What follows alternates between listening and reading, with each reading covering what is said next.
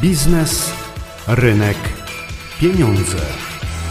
Dziś w programie powiemy, czy lepiej prowadzić biznes samemu, czy na przykład w spółce lub w tak zwanym klastrze. Mówi profesor Andrzej Buszko z Wydziału Nauk Ekonomicznych Uniwersytetu Warmińsko-Mazurskiego w Olsztynie. Kapitał społeczny i relacje i pewne powiązania biznesowe są rzeczą nieodzowną w biznesie. Przed II wojną światową bardzo dobrze w Polsce funkcjonowała spółdzielczość, gdzie ludzie się zrzeszali w bardzo silne związki producentów, sprzedawców i dawali sobie doskonale radę. Dziś popularna jest idea tak zwanych klastrów. To chodzi o ścisłą współpracę osób, które mają podobny lub wspólny obszar biznesowy, małych relatywnie podmiotów, które tworzą silniejsze ugrupowanie i są w stanie dzięki temu, że łączą się w grupy, mają większą moc na rynku. Poprzez fakt zamówień mogą negocjować swoje warunki i ceny. Czyli nie tylko klaster samych w sobie producentów tej samej branży, meblarski czy mleczarski, ale on powinien być dobudowany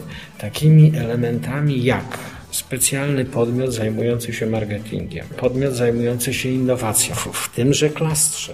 Projekt realizowany jest z Narodowym Bankiem Polskim w ramach programu edukacji ekonomicznej.